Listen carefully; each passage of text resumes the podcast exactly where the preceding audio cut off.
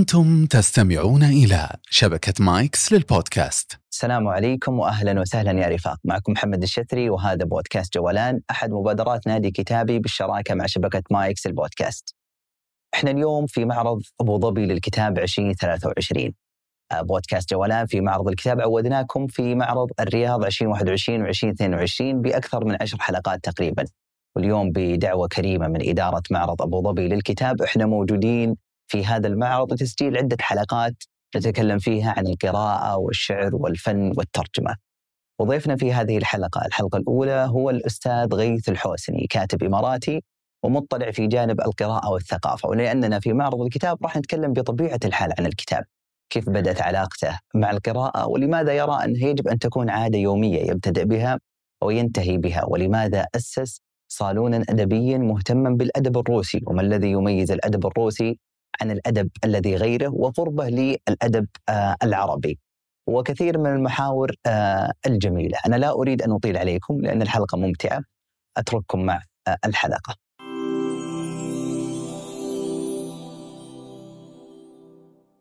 أهلا وسهلا أستاذ غيث.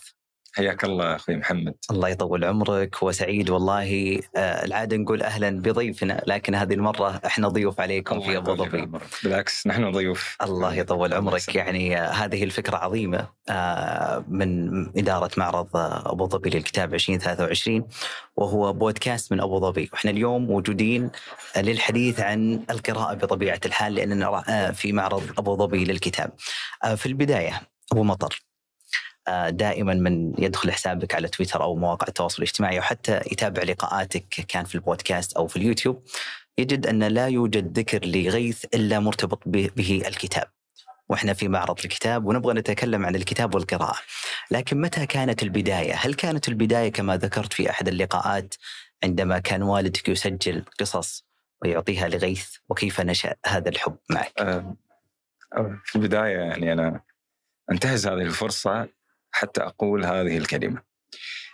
آه، برنامج جولان بالنسبة لي وأعتقد لكثيرين أيضا هو لم يعد ذلك البرنامج الذي له تقاليد إذاعية معينة بل أصبح يعني أو تجاوز هذا هذا المفهوم أصبح مكتبة صوتية مكتبة آه، تناقش أفكار جادة وعميقة في هذا الفضاء فضاء وسائل التواصل الاجتماعي. فأنا سعيد. يعني أنا عادة كنت متلقي أمام هذا البرنامج.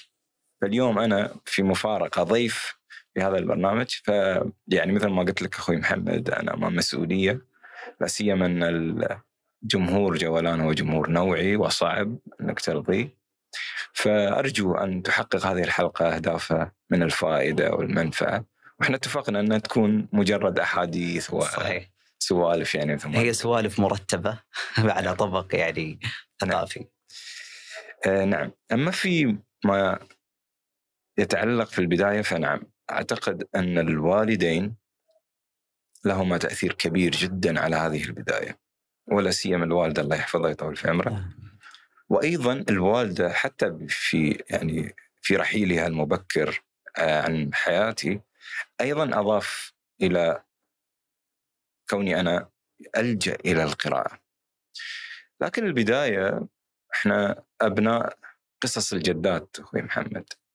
نتربى على الاستماع إلى هذه القصص. والمفارقة الأخرى الذي كان يتلو علينا تلك القصص هو الوالد.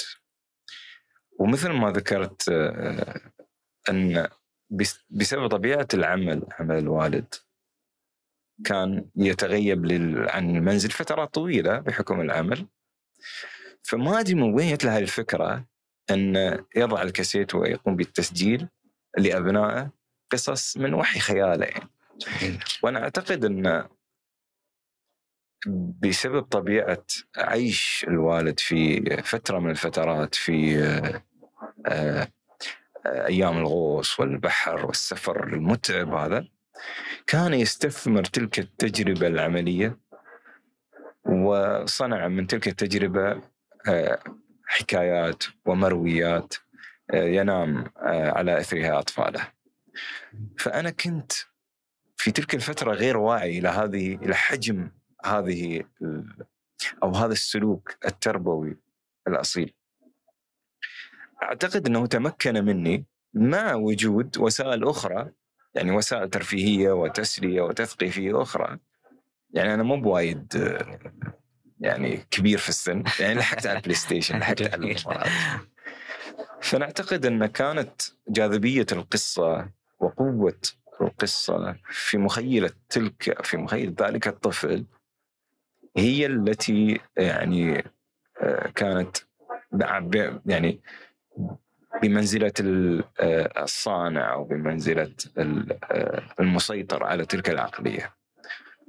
فهذه ال- البداية أنا أعتقد أن كنت ألجأ آه، إلى الكتاب إلى القصة إلى الحكاية. وجزئية مهمة أيضا أخوي محمد طبعا هذا دور الوالدين وأيضا دور المحيط. أنت محيطك أيضا لابد أن يكون إلى حد ما مؤثر. مؤثر في هذا الجانب. يقوم بعملية تداول الكتاب ومناقشته وتحليله وأحيانا يعني آه، آه، التحدث عنه بريبة أيضا يعني إنه هذا شيء كأنه كائن شيطاني اجتنبوه تدري في مرحلة من مرحله آه، مرحلة الحياة كانت يعني لنقل سردية ال- السردية التربوية التي يعني طغت على ذلك طغت على إنك لا هذا ممكن يفسدك هذا كذا هذا. فكيف هذا الكائن البسيط الجامد المادي أوكي يفسد؟ كيف؟ وطبعا ب ب بالأخذ بالاعتبار أن أيضا الكتاب هو قصة هو يعني القرآن الكريم هو يعني كانت هناك بعض من الجدلية التي تحدث في داخل الإنسان. فربما أنا يعني ما كنت مدرك إلى حجم تأثير الكتاب علي إلا من ربما من خلال كثير من التأمل أحيانا والجلوس مع نفسي. وكونت مكتبة ضخمة جدا يعني في حياتي على مرور آه، آه، الأزمنة. فيعني أطرح هذا السؤال على نفسي. ماذا قدمت هذه الكتب؟ ولماذا أنا أصلا ألجأ إليها؟ جميل. فكانت هذه البداية من هذا المنطلق من هذا المعنى. سنأتي عن أثر الكتب تحديدا في حياتك أبو مطر. ولكن على ذكر البدايات آه، ذكرت كذلك أن آه، أحد الكتب تحت المصباح مثلا كان مؤثر في حياتك. آه، هل هو لأن كان في اللثغات الأولى في حياة أستاذ غيث؟ أو ما أثره يعني؟ عليك؟ أنا أعتقد أن أثره هو في الحركة المفصلية التي قام بها في توجهي القرائي. كانت توجهاتي بطبيعة الحال أخوي محمد هو توجه تراثي. كنا نقرأ يعني الكتب ولكن في هذه الحدود. يعني نقرأ مثلا التفاسير أو الأحاديث النبوية في الفقه أحيانا علوم القرآن إلى حد ما العقيدة وكانت لا تخرج من هذا السياق لنقول السياق الديني. وكانت هناك طبعا أمور كثيرة تدفعك إلى أن تقرأ إلى مثل هذه الأمور يعني بحكم المحيط وبحكم البيئة وبحكم أيضا والسياق كذلك. بالضبط. وأنت تقوم بهذا الفعل لأجل هدف سامي وهو أنك تؤجر على هذا العمل. آه رجاء النقاش صاحب كتاب تحت المصباح تأملات ومطالعات بين الكتب والناس حدث يعني غير ذلك المسار المثالي جدا اللي كنت أنا أعيشه يعني. وأذكر القصة أنا كنت في الجامعة وكان أدائي ضعيف صراحة في النحو وأظن ليه الحين يعني ضعيف في النحو. زين. ف أعتقد كان الدكتور اسمه محمد السعدي عراقي أشار إلى أن أقتني كتاب اسمه النحو الوافي من أربع مجلدات من تأليف حسن عباس حسن. كتاب جميل جدا. يعني يعطيك النحو يعني بكل مدارسه المختلفة ولكن بطريقة مبسطة.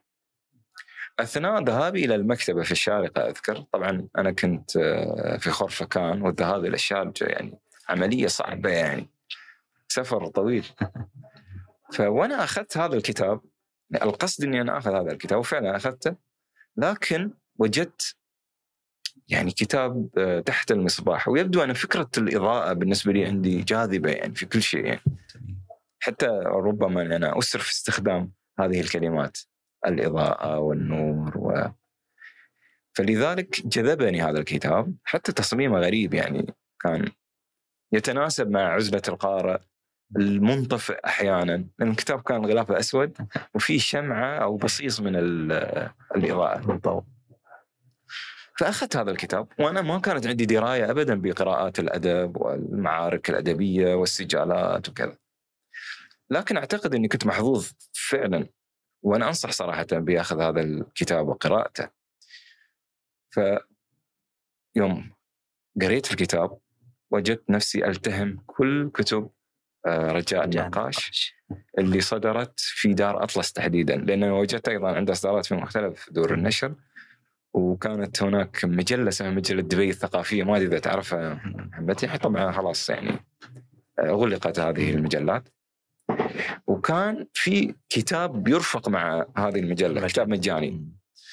من ضمن تلك الكتب أيضا رجاء النقاش. فهذا ال- الاسم أنا بالنسبة لي غريب يعني وكيف رجاء ورجل يعني.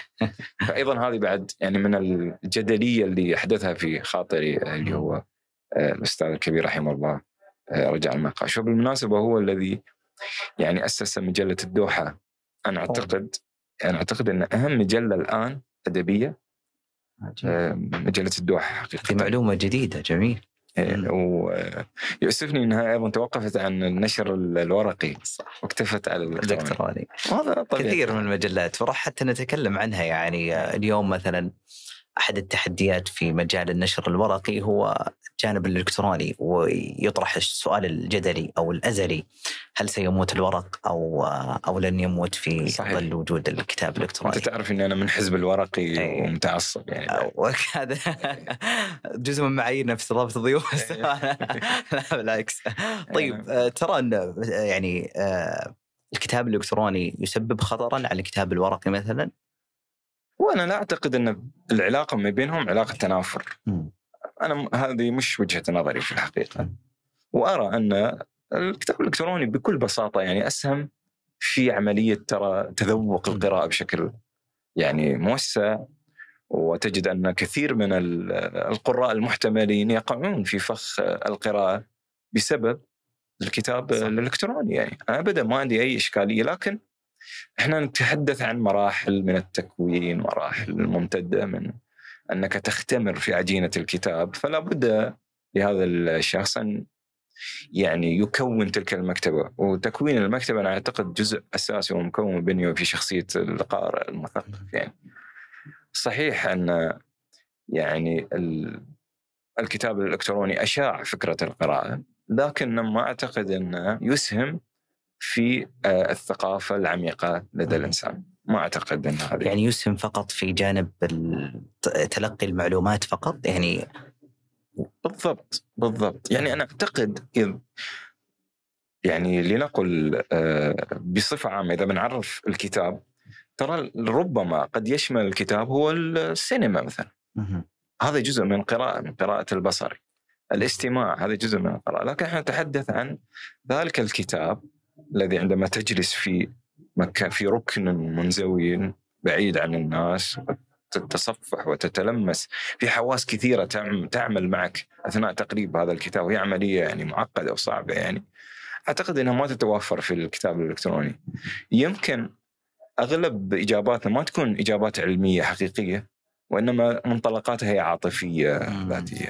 ذاتية وأنا صراحة يعني أجد أن هذه المنطلقات يعني منطقية وجهية. وجهية. إيه ليست بالضبط. علاقة برغماتية تحس الكتاب الإلكتروني علاقة برغماتية في مر... في يعني القارئ يمر في مراحل من حياته لابد أن يكون كل تلك الأشياء يجب أن يكون براغماتيا أحيانا يعني في بعض الأشخاص يقول لك يا أخي الرواية على سبيل المثال قراءة الأدب أنا أعتقد القراءة ال- التي لا تكون آه، لديها مرجعيات معينة. أنا لا سوف لن اعود إلى هذا الكتاب. فخلاص يعني حل آه، الموضوع بالكتاب الإلكتروني. أعتقد أن هذه صح. قد تكون عملية براغماتية أيضا يعني. جميل. آه هذه القراءة والأمور اللي ذكرتها أو الطقوس كذلك صنعت من القراءة خلينا نقول عادة يومية عند أستاذ غيث. وذكرتها كذلك أنت تصبح وتمسي على الكتاب. صحيح. آه ما رأيك في جانب من يعني يروج في هذا الجانب أنه اجعلوا من القراءة عادة، البعض يقول لا مثلا القراءة وقت الفراغ هي هواية مثلا، لماذا تجعلونها إنها عادة يوميا نمارسها؟ أنا أعتقد أن مسألة أن القراءة عادة هذه جزئية مهمة جدا وهي يعني ضرورتها تتفاقم يوما بعد يوم. يعني لا يمكن أن تقرأ الوضع المعاصر. بمعزل عن التطور الذي يحدث، يعني تقرأ كتاب مثلا آه، شكرا لأنك تأخرت. آه، فريدمان هو اللي كاتب صحفي شهير يعني كتب كتاب اسمه شكرا لأنك تأخرت. وكان ينتقد جزئية أساسية وهي السرعة. الآن العصر كله. كله يجنح للسرعة. يعني حتى حتى الطبيعة هي الطبيعة اللي يفترض إنها تكون يعني آه، هادئه أيضا دخلت في هذا الصراع المحموم يعني المناخ أصبح يتغير بشكل متسارع. أنت تشوف ما شاء الله الجو عندنا يعني أيوة. كيف كل سنة. كل نعم. فأنا أعتقد أن ينبغي علينا أن نهدئ من تلك الأمور وأن نتخفف وأن يعني نهدئ السرعه وبطبيعة الحال ال- القراءة هي تعطيك تلك السمة الأساسية في البطء. وطبعا أنا أعتقد أن إذا بنتحدث عن البطء هو المعنى التأملي للأشياء يا أخي. أخي أنت تتامل وكومبانيون في كتابه آه، لما يصلح الأدب. كراسة صغيرة جميل. أنصح والله بقراءته ماذا يقول؟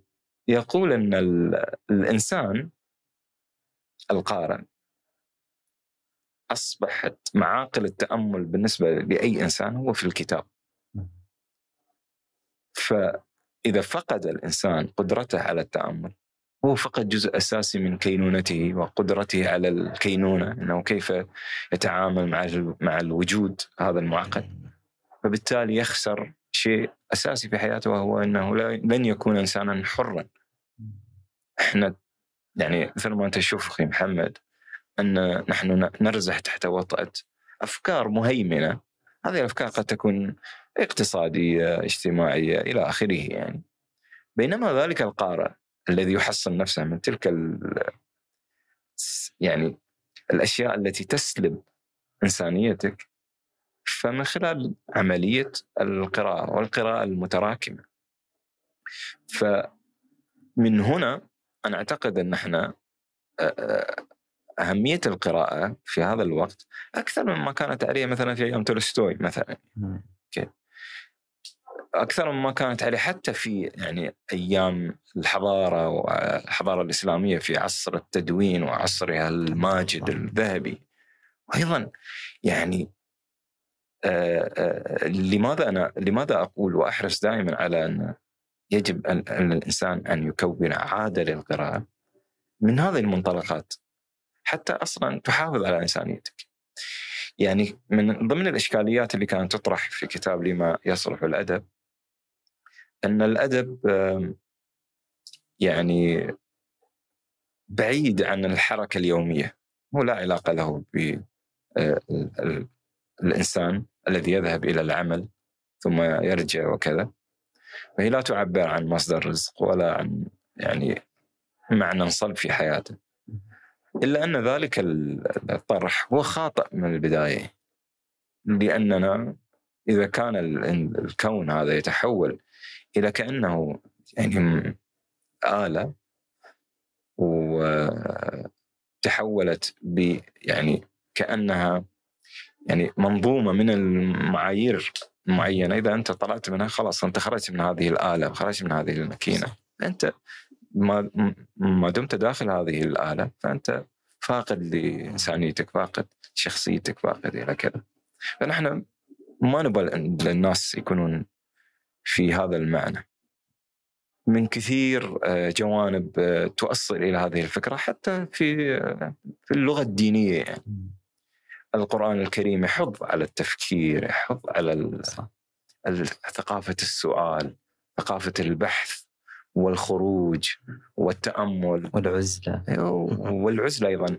يعني أعتقد المتصوفة كانوا يقولون أن هناك كتاب مسطور وأيضا كتاب منظور. يا سلام. يعني اذا إحنا نتحدث عن هذا الكتاب دائما لا نخرج من حدوده. جميل. وكانت آه، مقولة جميلة في دي البرتو مانجويل في م. كتاب يعتقد تاريخ القراءة يقول عندما أدخل إلى المكتبة ينطفئ العالم. بمعنى أنه خلاص دخل في عالم جديد عالم آخر يعني. يشحن نفسه من ذلك العالم ثم يتجه إلى هذا العالم الذي يبدو أنه يعني غريبا عليه. نحن الكائنات التي تحب القراءة. أعتقد أن إحنا نحسن آه هذا العالم نخفف من وطأة آه يعني ما أدري إذا قلنا عدم إنسانيته. فنحن كائنات جميلة في هذا العالم ونريد الجميع أن ينضم معنا ويساعدنا لكي يعني نرى الحياة بشكل أفضل. جميل. آه يبغى لنا حلقة منفصلة في مديح البطء فقط نمدح هذا هذه. السمه يعني ما أدري إذا قريت هذا الكتاب إيه. كتاب جميل يعني أنا قراته طلعت عليه إنه كل الأشياء بدأت يعني أصبحت محمومة. كلها تريد أن تكون سريعة أن تنجز بأكثر صح. طرق وأسرعها وكذا في حين أن الأمور لا تأتي ابدا على هذا النحو حتى اليوم في المعرفة يعني استهلاك المعرفة. أنا صدمت آه، أسولف مع بعض الزملاء عن مثلا ثقافة البودكاست كيف انتشرت. جزء من انتشار ثقافة البودكاست أنها تعطي الإنسان شعور أنه جالس يقدم شيء جميل في هذه الحياة أنه يستفيد لدرجة أن واحد يقول أنا ألعب بلاي ستيشن وأسمع بودكاست. شوي استفهام شلون يعني؟ لكن حتى لا يشعر بأنه مو جالس يستفيد يعني في عجيب. ظل هذا الوقت اللي يضيع. يعني عجيب. اليوم المشي كان أكثر وقت للتأمل مثلا تحول إلى استهلاك معرفي مثلا وإن كان جميل يعني.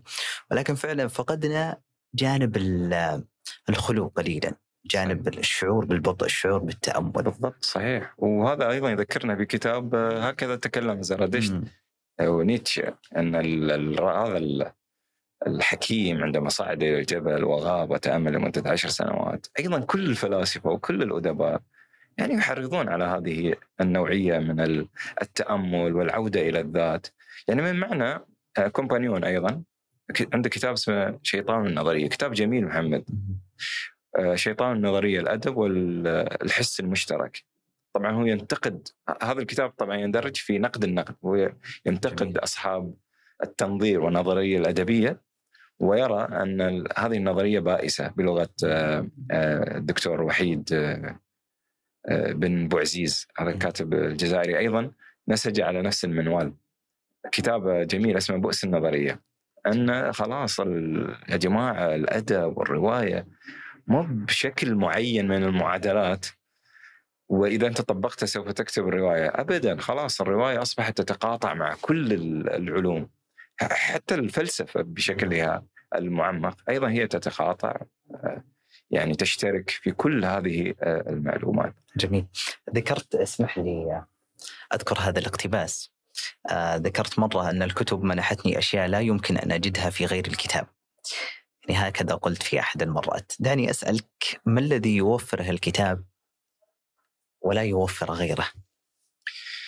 آه، الكتاب يوفر جزئية أساسية وهو أن تعرف العالم أنا أعتقد أن في ثلاث ركائز أساسية يمنحها الكتاب مثل ما كما قال آه، آه، بروست صاحب رواية آه، البحث عن الزمن المفقود وهي رواية ضخمة يعني. من سبعة أجزاء قال إن الأدب أساسه هو أن تعرف العالم وتعرف الآخر وعلى المرء أيضا أن يعرف ذاته. نفسه ف وأيضا في مقولة ل آه، فرانسيس بيكون قال أن القراءة تجعل الإنسان كاملا. كأن كأنه يقول أن الإنسان القارئ أفضل من الإنسان الذي لا يقرأ. طبعا إحنا نتكلم عن القارئ مش اللي هو اللي يقلب الكلمات. يعني أذكر أنا والله واحد يعني استغربت منه. قال لي يا أخي أنا ما أدري هو يعني هل هو صادق في هذا الشيء أو إنه يعني بس يحاول إنه يستفزني. يقول يا أخي أنا أقرأ الواتساب رسائل الواتساب أنا مو بقرايه فهذا يعني صراحة يعني سكت يعني ما قدرت آه، من قوة الحجة يعني.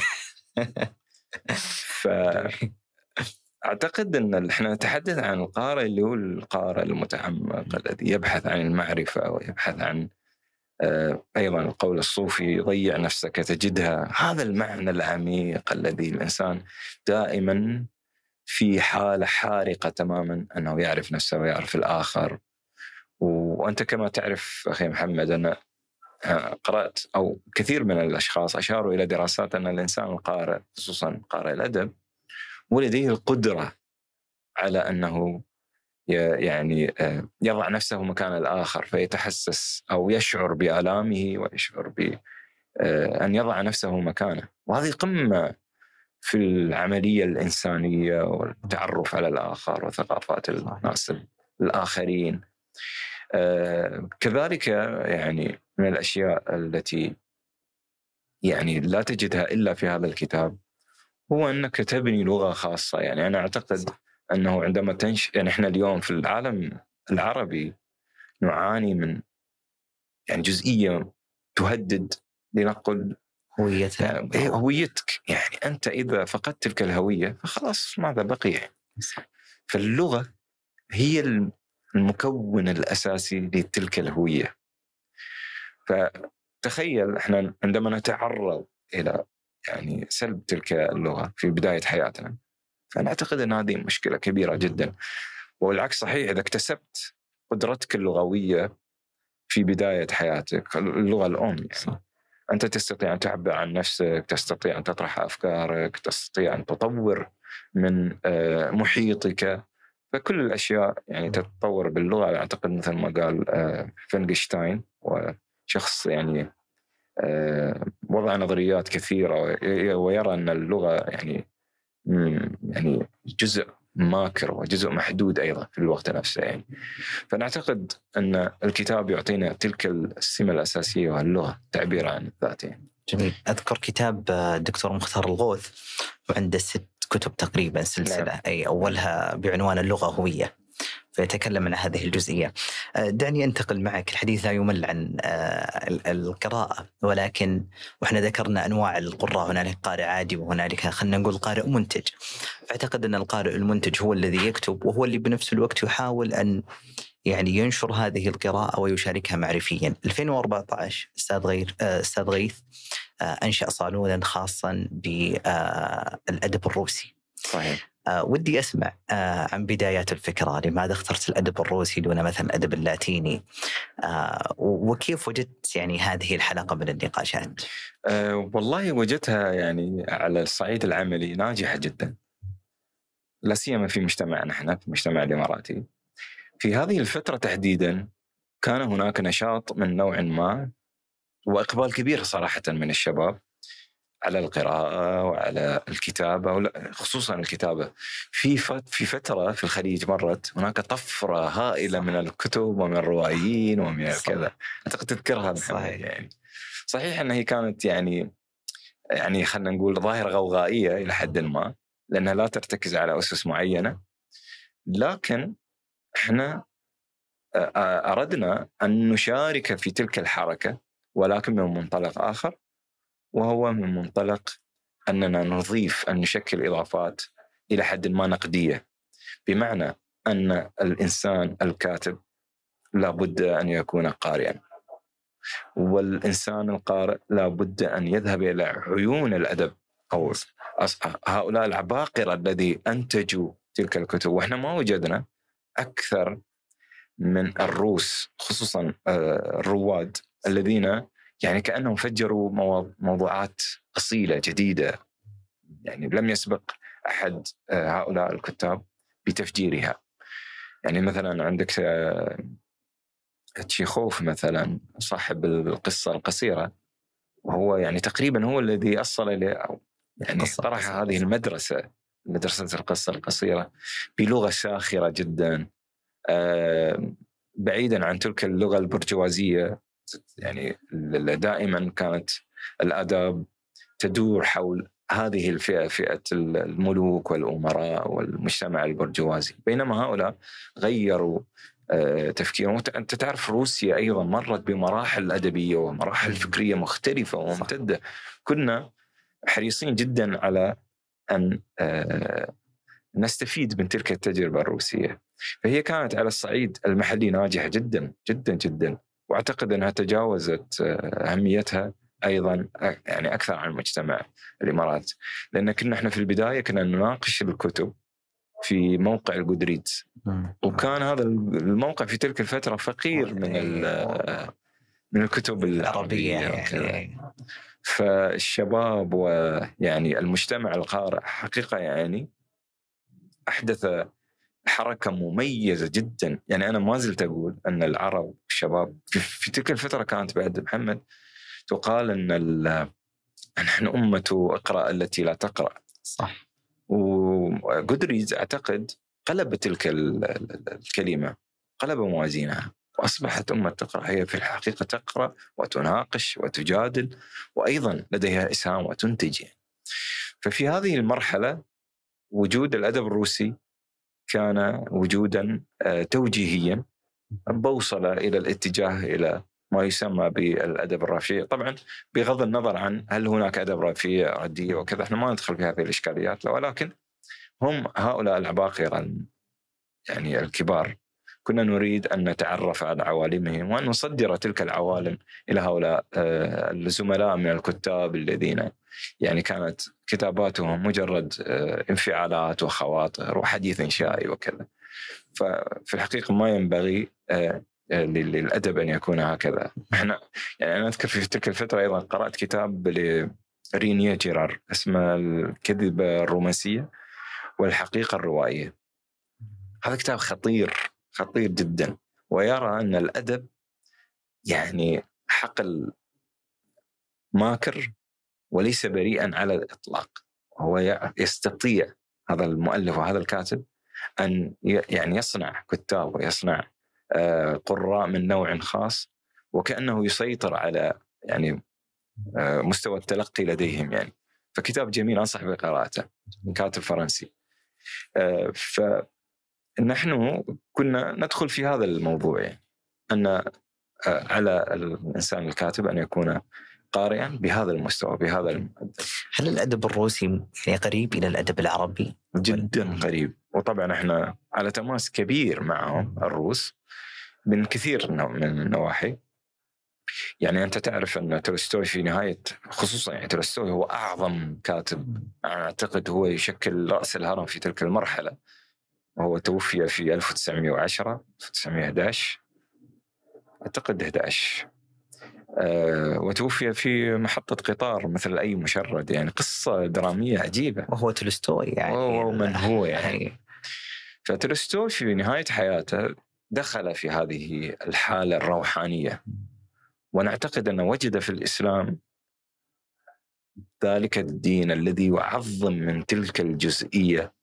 التي تعتني بالصفاء الروحي وال, وال الاختراء بالنفس وتطهيرها من كل من كل الأشياء التي تدنسها يعني في الحياة آه، الدنيا. ف يعني أنا أنا أتحدث عن أعظم كاتب روسي كيف أثر في الإسلام وكيف كانت تقاطعات من آه هذا من هذه آه المنطقة وأيضا الكاتب الروسي الكبير رسول حمزتوف صاحب داغستان بلدي. داغستان بلدي. كتب رواية رائعة اسمها داغستان بلدي. يعني أيضا هذا الرجل يعني يعد آه من أعلام الأدباء الروس لكنه مسلم واستثمر ثقافته الدينية والإسلامية في إنتاج ذلك الفكر. فكانوا الروس يعني في منهم شبه كثير آه، بيننا. على مستوى يعني التطلعات والأحلام وحتى على مستوى يعني التاريخ العريق لفكرهم وفكرنا نحن العرب المسلمين يعني. فكنا نكتشف تلك المناطق أن يعني جميل جدا أن تكتشف نفسك بعيون الآخرين ولكن ما نتحدث عن نظرة استشراقية مركزية من تلك النظرة لا على الإطلاق ولكن من نظرة مختلفة من ثقافات آه، يعني تمتلك اعراقها حجم كبير من العلم وال وال- والإنتاج المعرفي غير الأوروبي. إحنا تولستوي يعني سجلنا حلقة خاصة عنه مع الاستاذ هشام العبيلي وتكلمنا عنه إيه. وتكلمنا عن جانب الإسلام وأيضا حلقة أخرى عن دوستويفسكي صحيح إيه. آه في يعني عودة إلى إلى النادي آه، المهتم أو الصالون المهتم بالأدب الروسي أنشأته كذلك مجموعة أخرى حول الكتب أو ال- أو الكتاب الذين حازوا على جائزة نوبل. يعني دائما ما يطرح هذا النقاش يعني تجد أشخاص يقرؤون ولكن يستحي إن مثلا يذكر أنه لم أقرأ يعني بعض. الكتب الشهيرة من هنا الرجال. صحيح. وش رأيك في هذه الظاهرة؟ هل هل اليوم نقدر نقول يجب أن تقرأ مثلا آه، عيون الأدب الكبرى أو إن كل واحد ومجاله؟ أنا مش. مع إنه يجب ولا ينبغي ولكن يفضل. نقلل أو نخليها شوي أكثر سلاسة يعني. آه، لكن لا ينبغي لأي قارئ حريص ومتطلع ويعتقد في نفسه أنه يعني يستطيع أن يبني ذاته معرفيا ويكون لديه لغة آه، اصطلاحية وكذا لا يعني لا يمكن أو لا ينبغي له دون أن يتجاهل تلك الأعمال المهمة التي يعني آه، أحدثت يعني فارقا على مستوى الكوكب كله يعني. طبعا يقال أنا قريت كتاب اسمه آه، كيف تق... كيف تتحدث عن كتاب لم تقرأه تقرا كتاب يعني عجيب صراحة. غضبني الكتاب ما حبيته يعني. زعلنا شوي إيه، زعلني صراحة يعني. إحنا نبغى الناس تقرأ إيه. أنت تقول لا تكلم يعني كأنه يقول خليك مدعي أكثر صح ف هاي الظاهرة موجودة عند القراء. يعني تخيل أنت في وسط معين كلهم قرأوا مثلا جريمة والعقاب أخي هاي تعتبر من كلاسيكيات الأدب. وأنت ما قريتها وأنت رجل تدعي أنك قارئ. يعني يمكن يستحي أو كذا يعني. لكن أنا في الحقيقة ما سويتها ولا مرة يعني. مستعد أقول لك شوف كتب اللي ما قريتها يعني. ممكن تصدم يعني. من الأشهر يعني. آه مثلا حرب السلام ما قريتها. توقفت عن إحنا يعني تخيل أنت مؤث... أنت مؤسس الادب الروسي أي وكيف وكيف الحرب أنت ما قريت هذه ال... يعني ولو عندي النسخة الروسية الملحمه الروسيه الملحمه الروسيه فما ينبغي. فهذا اعتراف يعني. صادق يعني أقول لك. تذكر السبب؟ هل هو الطول؟ هل هو الطول هو عامل أساسي الطول صراحة. صح. لأني أنا في فترة من الفترات قرأت تقريبا معظم أعمال دوستويفسكي وهي أعمال طويلة. جدا ومتعبة يعني. وأيضا تولستوي يعني مثلا انا كارنينا 1740 صفحة تقريبا باللغة العربية. هل روايات النهر تسمى؟ أنت يعني ما عندك الوقت الكافي آه، لكي يعني آه، بسبب يعني بحكم أشياء كثيرة العمل البيت كذا. تقرأ هاي الكتب وتتفرغ. لكن أكيد يعني في نصب عيني إن أنا يعني أقرأ هذه الكتب جميل. بلا شك يعني. الحديث معك أبو مضر لا يمل ولكن دعني أختم بهذا السؤال. يعني اليوم آه، أستاذ غيث يرى أن المكتبة كائن حي. آه، كيف نعزز علاقتنا بهذا الكائن الحي؟ الكائن الحي هو الشخص الذي أيضا يبادلك الحياة يعطيك تلك الحياة. برخيس لديه آه، كلمة شهيرة جدا عن المكتبة.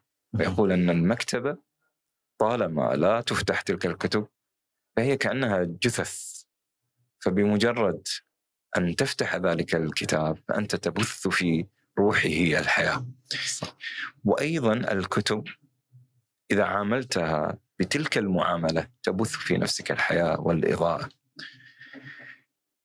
ال- أنا أعتقد أي بيت خالي يعني بيت خالي من المكتبة مدينة خالية من مكتبه عامة أم، لنقل مثلا المكتبات التجارية هذه بيوت أنا أعتقد يسكنها الأشباح. لا تسكنها الحياة لا تسكنها آه، آه، الجمال القيم الجمالية. فنعتقد أنني أستطيع أن حتى أنا لا لا لا أفضل تلك اللغة أنني أصدر أحكاما على الآخرين ولكن الشخص الذي لا يملك يعني مكتبة في منزله ول- وليكن متطرفا يعني هو لا يملك حياة في الحقيقة.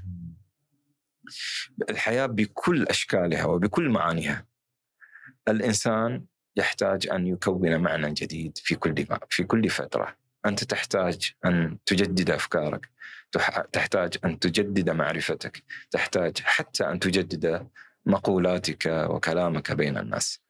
فطالما أن المكتبة موجودة والكتب فيها آه، ليست جثثا بل أرواحا أنا أعتقد أن الحياة سوف تكون شكلا مختلفا على آه، على على مستويات متعددة سواء هذا المستوى فردي أو مجتمعي أو مؤسسي أو حتى كوني. فلذلك أنا أعتقد أن ينبغي أو جميل يعني أقول جميل أن يبدأ يومك وينتهي بالقرب من مكتبه. جميل. يعطيك العافية أبو بكر. ما قصرت. الله يطول بعمرك. أنت شكرا جزيلا لك. وأرجو أننا قدمنا شيء يستحق التقديم. وكذلك الله يرفع قدرك. ودنا بالوقت الأطول وشكرا للسامعين والمشاهدين والحضور كذلك على الوصول إلى هذه المرحلة. ولا تنسون الاشتراك ومشاركة الحلقة لمن يهمه الأمر. وفي أمان الله.